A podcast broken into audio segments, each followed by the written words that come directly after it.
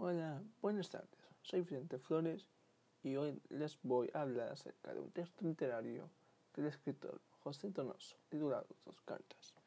Pero antes quiero comentarles un poco de, todo, de José Donoso.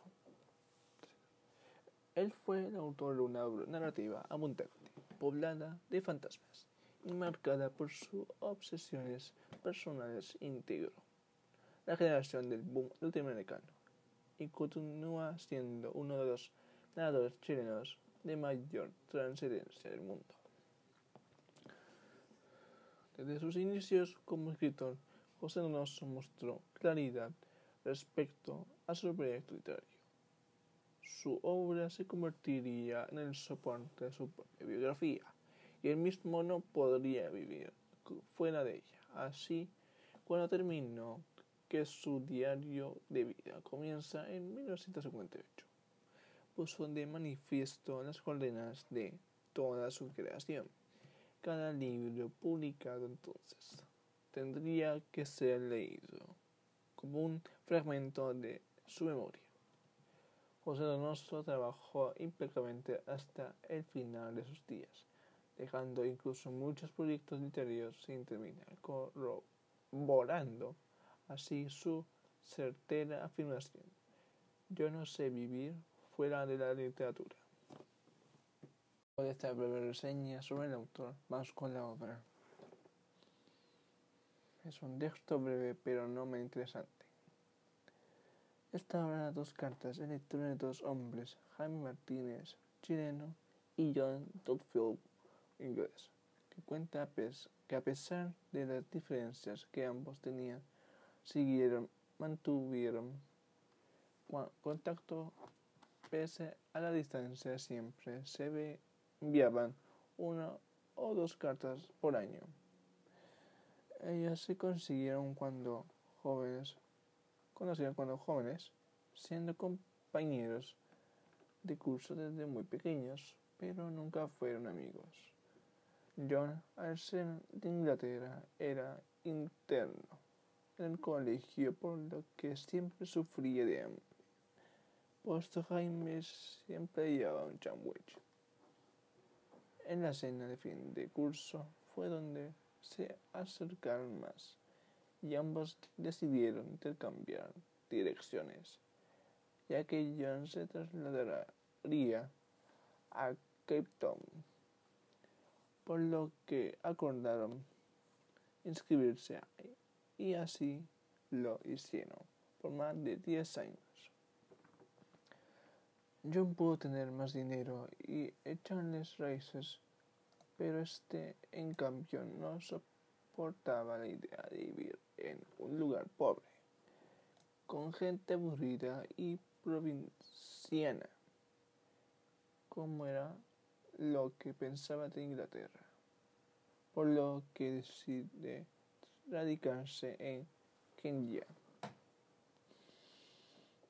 donde adquirió tierras, contrajo matrimonio y tuvo dos hijos, mientras que Jaime el Chino permaneció en su patria.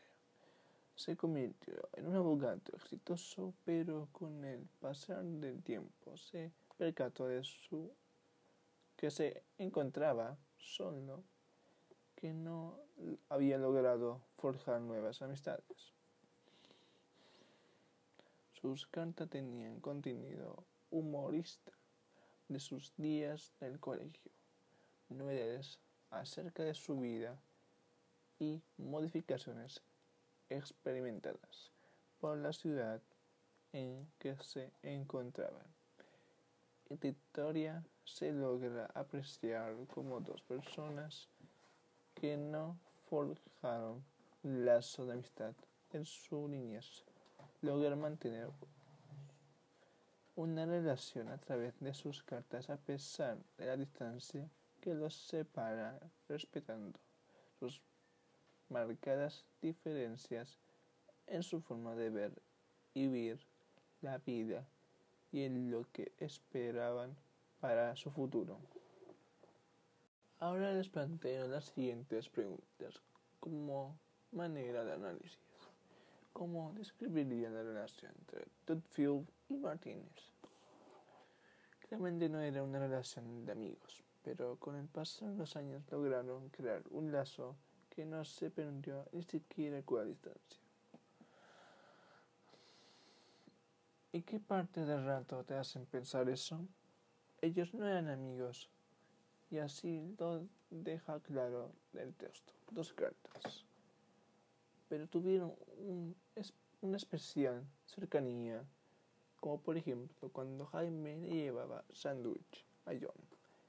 ¿Y por qué deciden escribirse cartas y mantener una relación a pesar de distancia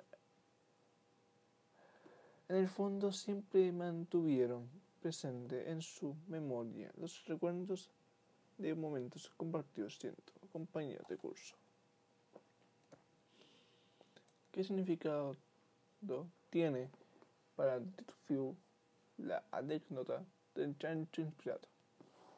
John la recuerda cuando le cuenta en su última carta que un día había salido con su mujer a ver los animales de la granja. Al atardecer, cuando llegaron donde estaban los chanchos, vieron un animal peliblanco que parecían contemplar el crepúsculo con aire tristón, algo aparte del resto, y fue sorprendido cuando su mujer le dice, mira John, ese chancho parecía que estuviera inspirado. En ese momento le dice a Jaime, ¿te acuerdas del chancho inspirado?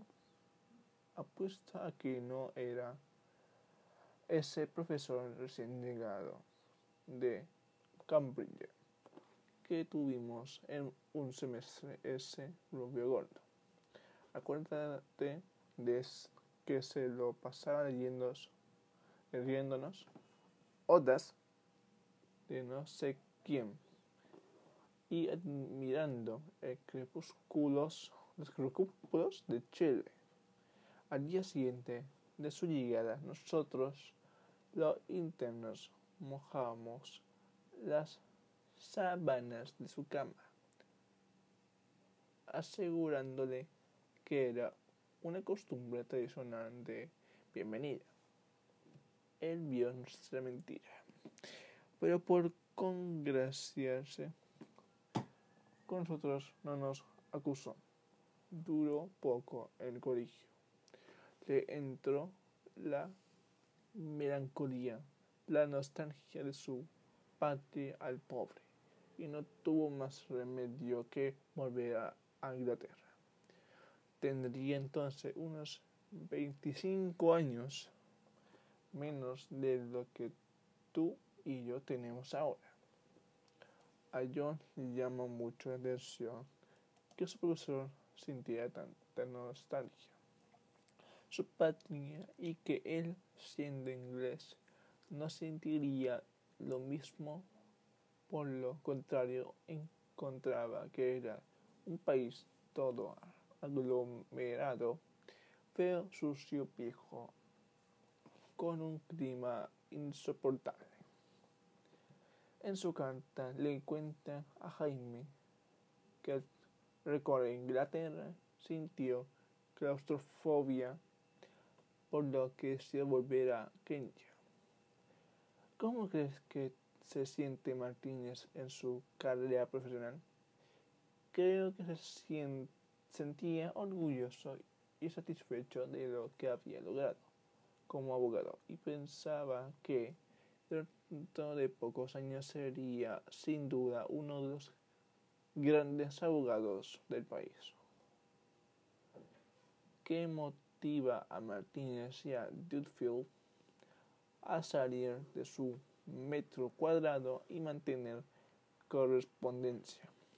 Creo que los motivos, la nostalgia y la necesidad de saber de su compañero a pesar de no haber sido amigos. Sí lograron formar un lazo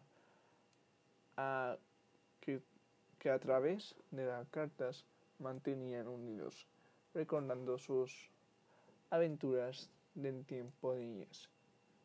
Finalmente no pudo dejar de mencionar algo que me llamó la atención.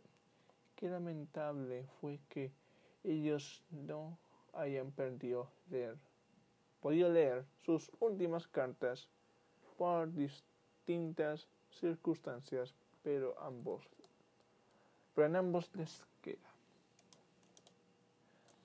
un sabor amargo en el caso de John, de nunca haber recibido respuesta, y en el de Jaime decidir destruir su carta, nunca enterarse que su compañero John había muerto. Como dije antes, interesante, obra como con triste final. Bueno, mis auditores, este fue mi análisis de la obra Dos Cartas. Muchas gracias por su atención y será hasta una próxima oportunidad. Adiós.